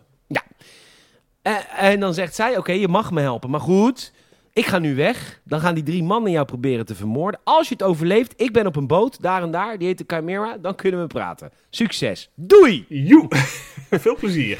Nou ja, hij loopt weg. Er ontstaat een gevecht. Hij slaat iemand keihard op zijn mel met die koffer. Ja, en als je dat alleen al... onderaan tegen zijn kin. Kijk, ehm, je hebt wel eens in films dat iemand krijgt dan een vuistslag. En dan hoor je zo... Ja. Ik heb geen idee hoe dat voelt. Ik weet, ik weet niet. Ik heb echt geen idee hoe, hoe het voelt om een vuist in mijn gezicht te krijgen. Je mag mailen. Eh, maar zo'n koffer heb ik direct een idee bij. Dat is een beetje dat Home Alone effect. Omdat het allemaal alledaagse voorwerpen zijn die die mannen bij Home ja, waarvan je wel kan inschatten hoe hard dat is en hoe, wat voor een impact dat in je gezicht kan hebben. Ja. Ik bedoel, de laatste keer dus, hè, dat ik een koffer met 4 miljoen euro bij me had. Dat was zwaar, Michiel. Dat is, dat is tillen. En dan, en dan heb je nog vijf briefjes van 500, mocht nog. ja, mocht nog. Ja, En dan, nou ja, goed. In, de- in de Gouden Wok zit ook een soort van... ehm, een soort vechtpit. Een soort vechtpit met Komodo-varanen. Leuk voor de toeristen, I guess. Nou, daar vallen ze in. Dat zijn echt kutbeesten trouwens, Komodo-varanen.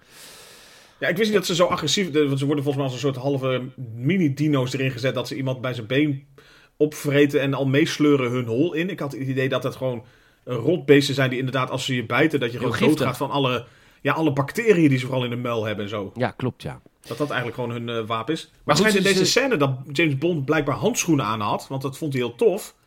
Maar dan maakte zeg maar het eh, concept weer zo ongeloofwaardig... dat hij dus blijkbaar dat eh, mooie geweer bij zich heeft. Zijn wapen met eh, Ah. zeg maar handpalmscannen. Dus ze hebben dus na de opnames nog in CGI... zeg maar eh, gewone handen moeten inplakken op zijn handen. Echt? Ja, Dat zie je niet, hoor. nee, dat, dat zag er best goed uit. En dat was volgens hun ook inderdaad wel wat eh, logischer en goedkoper... dan zeg maar de hele boel opnieuw filmen.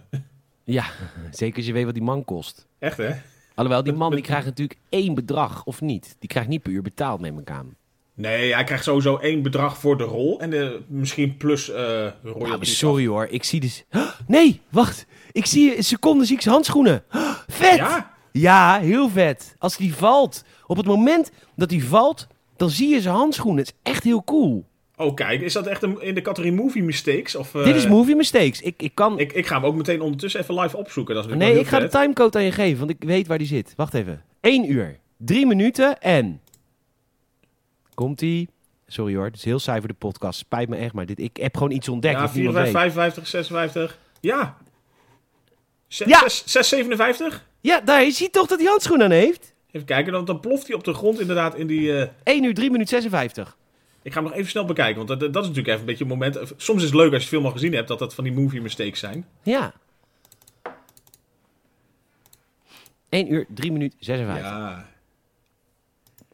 Maar dat zijn dus van die dingen inderdaad. daar- nee, dat gebeurt volgens mij in films zo vaak dat ze gewoon dingen tijdens het filmen gewoon over het hoofd zien. En dat komt dan zeg maar in de nabewerking pas eh, aan het licht. Als je Ja. geluk hebt. Als je film met Nicolas Cage hebt, dan kan dat gewoon meteen op de DVD. Maar Maar goed, hij eh, wint het gevecht.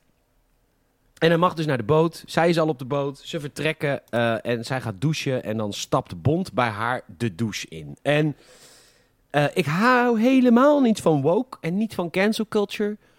Maar ik vond dit wel heftig. Dat kan niet meer.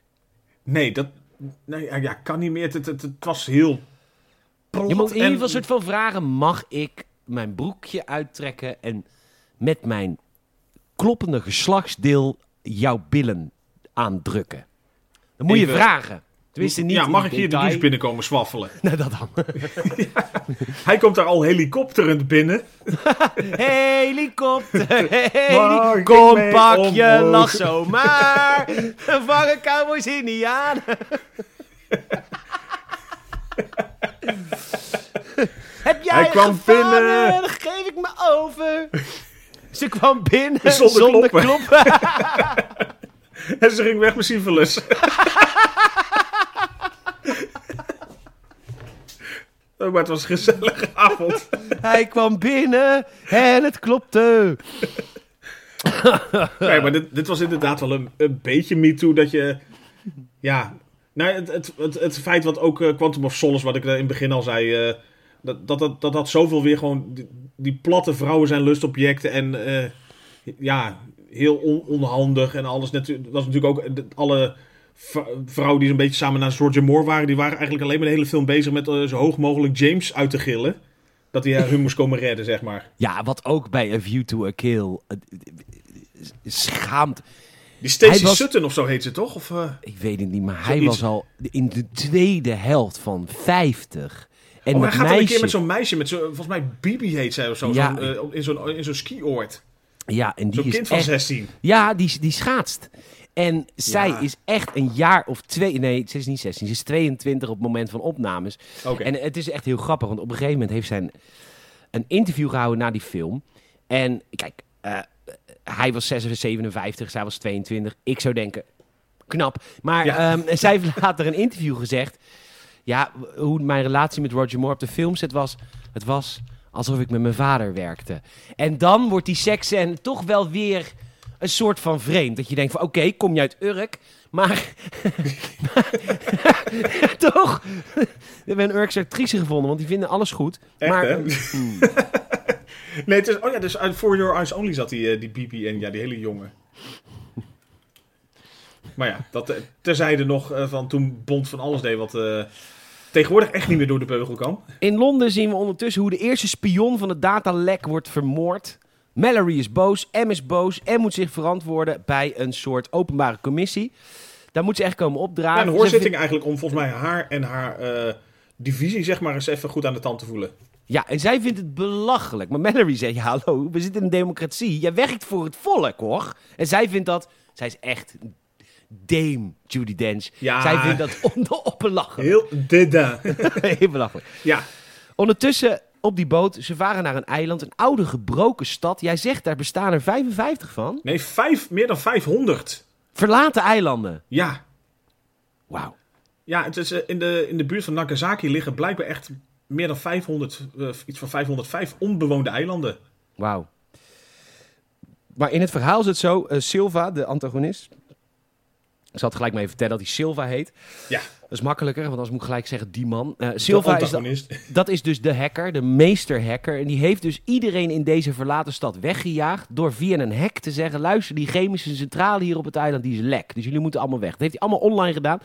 Dus hij kwam aan op een verlaten eiland... want hij dacht, ik wil even lekker in privé wonen. Zo'n goede hacker is het. En eh, Bond die wordt vastgebonden zodra hij komt op het eiland... en vervolgens komt Silva binnen... En deze scène, en dit is ook wel een mankementje aan de film. Silva, ik, de, de acteur, jij zegt geweldig acteur, ik ken hem niet. Nee, Javier Bardem. Nee, ik ken geen andere films van hem. Oké. Misschien wel, maar dat heb ik dan niet onthouden. Hij speelt ook in volgens mij de laatste Pirates of the Caribbean. Ah ja. En Ja, ja, ja, ja, ja, ja. No Country for Old Men, ook super goede film. nooit gezien. Maar die scène waarin hij naar Bond toeloopt om zijn hele verhaal te vertellen over de ratten. We hadden vroeger een rattenplaag. En hoe, heb, hoe heeft mijn oma mij geleerd die ratten dood te maken? Is uiteindelijk door elkaar te laten opeten. Maar dat hele, die hele monoloog is in één shot gefilmd. Dat ten eerste. En ten tweede, ik vind dit een Heath Ledger-achtige qua niveau villain. En daarom vind ik het zo zonde dat Silva er eigenlijk veel te weinig in zit in deze film. Hij krijgt te weinig ja. screentime. Dat vooral ja, want hij is natuurlijk de antagonist. Hij is, eh, nou ja, door zijn hele backstory is die, weet je dat hij gewoon heel eh, labiel is eigenlijk. Maar wel Ja. ook gewoon briljant. Op, op zijn manier. Dus, dus eigenlijk eh, zou het echt een supervillain kunnen zijn waar je heel veel last van kan hebben. En ja, vanaf Ja. dit moment gaan, gaan zij natuurlijk elkaar vaker tegenkomen. Maar dan nog is zijn screentime beperkt. Ja, te beperkt. Het is echt een gemiste kans. Hij, hij legt uit dat hij zelf, hij is zelf een 00-agent geweest. Hij heeft tussen 1986 en 97 in Hongkong gezeten. Hij heeft een hekel aan M. Eh het is eigenlijk vooral M die hij moet hebben. Ja, want hij voelt zich echt door haar verraden. Hij voelt zich door haar verraden.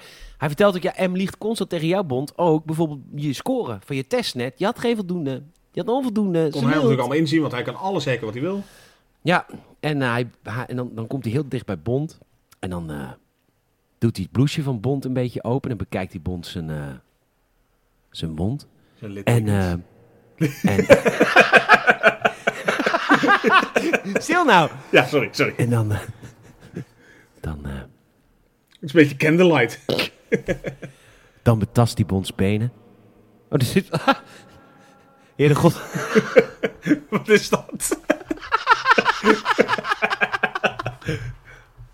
Jezus Christus. Jezus Christus. Nee, dan betast hij Bonds benen. En dan zegt hij tegen Bond... There's a first time for, for everything. En dan zegt Bond... Who says it's my first time? Oh my god, wat was dit geil! Oh! wat dit, heeft Bond het wel eens met een man gedaan?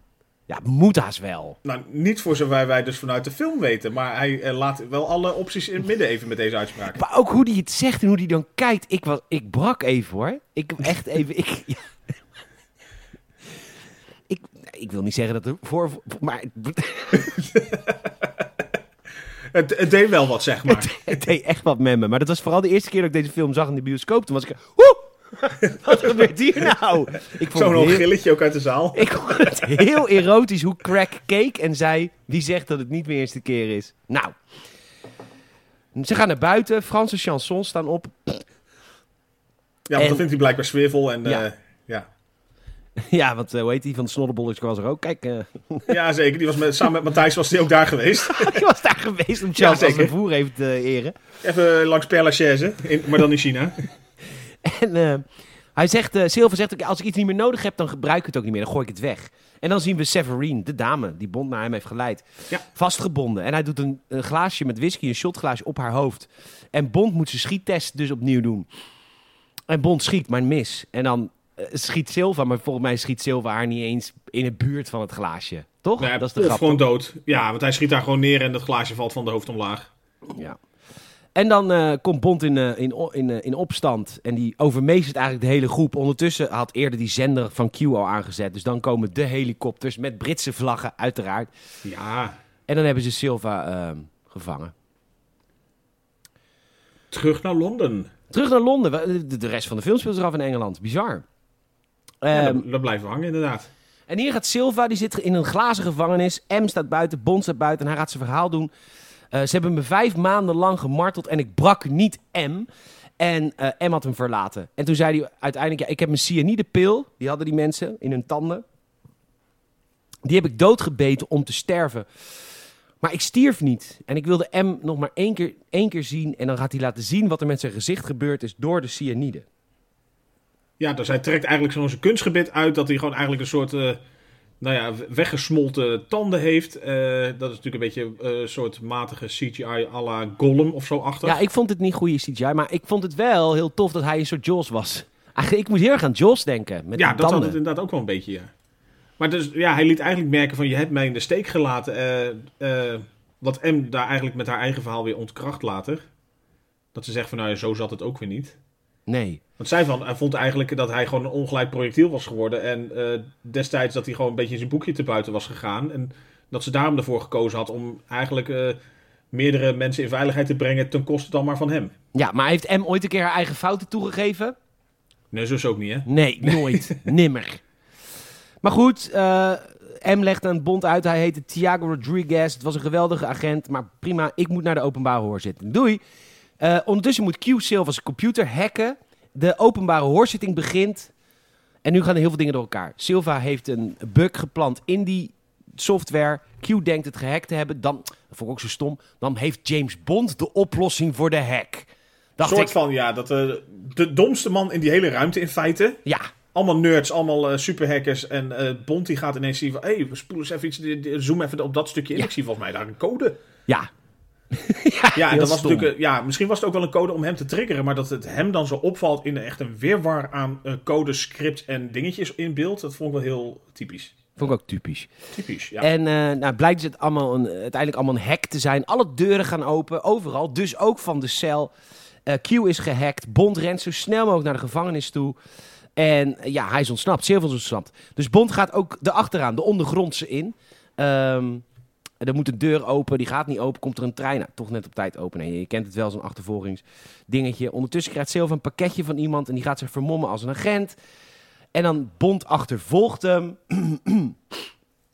Ja, eigenlijk door een metro, eh, nog verder in de, de- het metrostation. Want op een gegeven moment zie- ziet hij een deurtje openstaan. Waarvan wij beiden dachten van, hé, als hij daarin was gaan, waarom laat hij dan in godsnaam die deur openstaan? Ja. Maar alles eh, doet hij, dat is eigenlijk een beetje zijn punt ook. Hij doet alles met een plan. Ja. Eh, alles is voorbedacht te raden. Ook dat hij überhaupt al wilde dat ze daar ondergronds gingen zitten. Dat hij daar opgepakt zou worden, et cetera.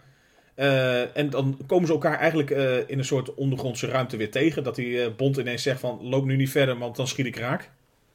Of klim niet verder, want hij staat op een punt eigenlijk om omhoog te klimmen uit die ruimte. En dan laat Silva laat een bom ontploffen. En die doet dan eigenlijk niks, want het is achter Bond. Maar het was dus wel bedoeld. Want de metro stort naar beneden. En zo kan Silva ontsnappen. En die gaat uiteindelijk met zijn handlangers richting het gebouw waar M op dat moment haar openbare hoorzitting heeft. Wat natuurlijk uiteindelijk zijn doel is. Hij wil M dood hebben. En het lukt hem ook om binnen te dringen samen met zijn companen. Allemaal verkleed als politieagenten. En er wordt geschoten. En wat ik heel tof vind aan deze scène is het hele schieten in eh, de, de openbare hoorzittingsruimte. Ja. Is dat iedereen hier een hero is. Dat het niet alleen Bond is. Bond komt inderdaad op tijd aan om ook te schieten. Maar Het is Money- ook Tanner, het is eh, Moneypenny, het is Mallory. Ze ze doen eigenlijk allemaal mee op dat moment. Ja, iedereen is hier een held. En je ziet hier dat een soort van eh, de, de Britse geheime diensten samenwerken om M te beschermen. En dat vind ik heel cool, dat het niet gewoon singular James Bond is. Nee, het is inderdaad niet als één superhero die daar binnenkomt en de hele boel even schoonveegt. Nou, eens. Vet. Eh, Bond stapt daarna in M's auto en die eh, ontvoert haar eigenlijk. En, maar dat vindt ze prima, want ehm, James Bond zegt we gaan het anders doen, want we zijn deze hele film al en die duurt al lang. En deze podcast over deze film duurt ook al 1 uur, 1, minu- 1 uur en 6 minuten, zegt James Bond tegen M. Ja. Dan zegt M, ja, dat is wel echt een lange Zullen we dan gewoon beginnen met het eindgevecht van 30 minuten? nou, goed idee, zegt Bond. Ja, goed idee, zegt Bond. Hij zegt, we moeten, de, we moeten de aanval gaan openen. En ik wil jou graag M gebruiken als lokaas, zodat we al die gasten en Silva lokken naar één plek. Maak ik ze dood? Is de film afgelopen? Gaan we gewoon lekker naar Spectre? Iets mindere film. Maar daarna, acht jaar later, komt No Time to Die. En hey, dat is mijn laatste film. En dan M, ben ik goddank van deze film. Want jij Verlost. gaat aan het eind van deze film al dood. Maar ik moet er godverdomme nog twee. En ik heb ooit beloofd dat ik mijn eigen stunts doe. En daar heb ik helemaal geen zin meer in. Want ik ben al oud en het doet pijn. ja. ja, dat zo'n beetje. Ja, nou goed, ze, ze pakken de Aston Martin, de allereerste Aston Martin van de allereerste film. It's not very comfortable, zegt M. Nou, dan, dan dreigt hij die eject seat te eh, gebruiken. Ja, een paar kleine grapjes. En ze, ze gaan eigenlijk, dat is vooral een beetje waar de cirkel rondkomt. Van ze rijden naar, eh, naar Skyfall, het, het, het Schotse landgoed, zeg maar, en zijn, eh, zijn jeugd. Ja, waar die is opgegroeid. En dit is een beetje waar ik vind dat de film in, in elkaar dondert. Ja, in elkaar donderd gaat voor, zou voor mij wat te ver. Maar ik, ik snap hem wel dat het... Ja, het is een heel lang eindgevecht wat een beetje traag gaat. Ja, maar dat, ja, dat. Maar ik vind ook, oké, James Bond komt in zijn oude landgoed. Daar staat een seniele oude man, die heet Kincaid. Dat is blijkbaar de opzichter van het huis. De klusjesman. De, alias de klusjesman. Maar het huis is al maanden geleden verkocht. Wat doet die man daar? Het is zijn huis niet. Het is Ja, zijn anti, huis anti, anti-kraak. Anti- Echt in middle of fucking nowhere. Ja. En, eh, en dan, nou ja, goed. Dan zegt James Bond, ja, mannen komen me vermoorden. En dan zegt hij, nou oké, dan eh, ga ik jou helpen die mannen terug te vermoorden. De wapens die in dat huis opgeslagen waren, die waren inmiddels ook verkocht. En er is alleen maar dynamiet. En, nou, een oud jachtgeweer. En een groot jachtgeweer. En nu gaan ze het huis homelonen. En dan denk ik... Nou, Ja, kom ik toch ja. terug misschien bij de snufjes van Q. Had ik misschien toch een getransformeerd huis willen zien. Wat als een soort eh, Optimus Prime de lucht ingaat. nou ja, er zitten nog iets snufjes. Want ze hebben natuurlijk die Aston Martin waar Bond zich in verstopt. Als Ja. de eerste groep bad guys komt en daar komen dan twee eh, machinegeweren uit. Dus die kan die al een beetje wegmaaien. En dan komen inderdaad wat snufjes in huis. Waar het een en ander in ontploft. Maar ze komen er ook al heel snel achter van... Eh, wacht eens even. Silva is gewoon helemaal er niet bij. Wat is hier aan de hand? Ik wil één ding over dit eindgevecht gezegd hebben, is dat M's eh, wapen het gemeenst is van iedereen. Je, je merkt, Ja. M is echt, dat is echt de teringlaar van de groep. al de IJskoude hele- bitch. IJskoude bitch, al de hele. Hoe heet ze van de zwart, zwakste schakel? Uh, Shasha Morali. Shashi Murali van, van het James Bond-universum. Want het wapen wat M maakt, zij gaat eh, een soort van eh, zakjes met spijkers, die schroeft ze in een lamp. Waardoor als ze de lamp uitzet, al die spijkers in één keer verspreid over die criminelen. Nou, het is echt keihard. Het is gewoon echt een snoeiharde spijkerbom wat ze dan laten afgaan. En dan meerdere inderdaad. ja, echt vet. Maar goed, al die, die criminelen zijn dood. Silver zit er niet bij. Nee, Silver komt er nog aan. Nog een eindbaasgevecht. Tering, wat duurt het lang. Hij komt aan met een helikopter. Met een muziek en met een minigun. En het hele huis aan gort. En dan, dan besluit... eh, oh ja, James Bond is eigenlijk nog niet boos geweest deze film. Totdat ze de Aston Martin vernietigen. Ja, want die komt Dan verdomme aan mijn wagen. Maar dan zegt hij inderdaad eerst maar eens tegen die King Kate en M van... eh, gaan jullie maar lekker door die geheime tunnel naar zo'n kapelletje verderop? Ja, kan je ondergronds lekker- eh, wegsneaken? Gaan jullie lekker naar Kaas de Papel- La Casa de Papel daarachterin. Dan ga, ga lekker even een tokkelroompje wegtikken of zo met een slagroompje. Ja. Dan ga ik hier wel even afrekenen met de rest. Ja, en dat doet hij door twee gasflessen aan te sluiten op eh, lont. Nou, en dan blazen ze de hele huizen op. Bond ontsnapt nog via die kruipruimte richting de kapel. En eigenlijk zijn er drie overlevenden. Dat zijn eh, Silva en twee handlangers. En dan, dan Silva, die heeft dan die explosie van het huis overleefd. En die kijkt dan... Oké, ik moet even wat vertellen over Schotland, eh, Michiel. Ja, mag. Ik weet niet wel- Heel mooi. Ik weet niet of je op Texel ben geweest. Ja, Ja, mooi hè. Maar, ehm, of... eh, Slufter. Was dat? Dat is ook weer op Texel. Oh, mooi. En eh, dat soort, zo, eh, eh, in, in dat soort rurale gebieden, zeg maar, plattelandsgebieden, als je daar, zeg maar, daar is heel weinig licht. Nul, eigenlijk. Ja. Er, is ook, er zijn ook geen kassen daar. We hebben hier bijvoorbeeld... nee, je hebt geen... wat, wat, wat lichtvervuiling. Ja, Ja. dat hebben we niet. Helemaal niks. Dus elk klein stukje licht is te zien. Dus als dan twee seniele bejaarden proberen te vluchten en een zaklamp aandoen... Dan valt dat wel een beetje op vanaf 300 kilometer afstand. Mevrouw de voorzitter van MI6. Ja, ik, ik snap Dus- dat die seniele Kinketa niet heel erg eh, scherp op was op dat moment. Maar dan had zij toch in haar, zelfs in haar toestand eh, daar wel even slimmer over na moeten denken. Met haar verzamelde ervaring van 60 jaar. Ja, 60 jaar in het vak. Koninklijke onderscheiding. Ja. Want zij, het dus gaat later Silva- nog een keer, hè? Ja, het komt nog een keer. Silva kijkt dus naar die, zeg maar, Schotland. Helemaal donker. En die ziet dan een lichtje. Die denkt, hé, hey, daar zijn ze. Dus die gaat erop af. Ik zie een ster. Ja, Ja. En dan Bonti is ondertussen ook. Die gaat ook naar de kapel. Die loopt over het ijs eh, richting de kapel. En dan Ja. eh, Silva, die spreekt hem dan aan van stop. Die schiet twee keer op het ijs, stop. Bond zit vast. En er zit ook gelijk een handlanger naast Bond om hem te bedreigen. Ja, dan een pakt Bond- stoere taal. Mhm. En dan pakt Bond zijn geweer af van de handlanger. Die schieten ze, dan schiet hij door het ijs en zakken ze allebei door het, eind, nou ja, door het ijs. Nou, Bond wint. Silva loopt binnen in de kapel nadat hij heeft gelachen om het graf van James Bonds ouders. Altijd heel- leuk. ja. En maar dan, hier zit wel een beetje weer dat sterke inderdaad, dat, eh, dat Joker-achtige wat, wat hij heeft ook. Ook in de manier waarop hij nu even verder gaat. En eigenlijk M smeekt om eh, hun beiden te vermoorden, zeg maar. Een beetje dat... eh, dat labiele heel mooi. En ja, dat heel mooi. Dat hij eigenlijk zegt van, ik kan het zelf niet, dus doe jij het alsjeblieft. En, eh, want hij zet zijn hoofd tegen haar hoofd aan. En dan eigenlijk met eh, het wapen in haar hand drukt hij tegen haar slaap. Zo van, schiet maar. Dan zijn we allebei met één kogel weg. ja, maar goed. James Bond gooit een mes in zijn rug. Dood. Teringleier altijd die bond, hè. Verkloot het gewoon altijd. Ja. En dan is eh, M sterft ook. Nou, erg. Boehoe, boehoe. Nee, dan, ja, dat het was wel een heftig iets aan de film. Dat heel veel mensen dachten van... Wow, M gaat gewoon dood in de film. Ja. Ja, ja, ja, maar het was een harde... Nou, ik vind het wat in character... Voor haar hele- tien anderen. Nou, in ieder geval één, Mallory, Ja. die toevallig ook met een M begint. Maar ehm, Nou, die King Kate noemt haar natuurlijk stevast Emma. ja, dat, omdat het een seniele oude man is. Ja, hij weet niet. Hij weet niet. Oh, dat was iets met M, M, Emma. M, de, ah, joh, ik doe het en gewoon. ra. Ja. Ja. Eh, nou goed, M is dood. Ze zijn later in Londen. Eh, op het dak is die met Money, Moneypenny. En eh, zij zegt eigenlijk nu, ja, ik ben liever secretaresse dan dat ik eh, weer in het veld ga. Vond ik een beetje stom. ja. Eh, en, dan, en ze stelt zich hier pas in het kantoor voor. Ik ben Emma Moneype- Moneypenny. En nou, leuk. En dan mag Bond zich melden bij de nieuwe M, Mallory. En dan krijgt hij een casefile en dan is het, is het afgelopen. Mag hij door? Want we hebben genoeg werk te doen, zegt de nieuwe M. Leuke film hoor. Ja, hele leuke film. Inderdaad wel, dat einde had ik niet zo scherp meer dat het, dat het inderdaad een beetje een soort sleur was. Omdat het ook echt wel heel lang duurt. Ik denk als, als dit gewoon eh, minstens een kwartier korter was geweest, was het ook gewoon prima. Maar het is denk ik ook de hele premise van, eh, ze gaan zich een beetje een soort home alone daar in dat eh, oude huis. Ja. Ja, waarvan eigenlijk het home alone-achtige stuk dan misschien nog niet eens heel veel was. Dat was natuurlijk, M die had van die toffe spijkerbommen gemaakt, maar voor de rest was het eigenlijk alsnog gewoon maar een beetje op elkaar knallen. Ja, klopt. Ja, ik vond het de laatste 20 minuten niet helemaal goed. Maar goed. Nee, daarom. Dus ik, in, in, in retrospectief vond ik denk ik Casino Royale vetter dan deze. Ja, was het ook. Nou, Michiel.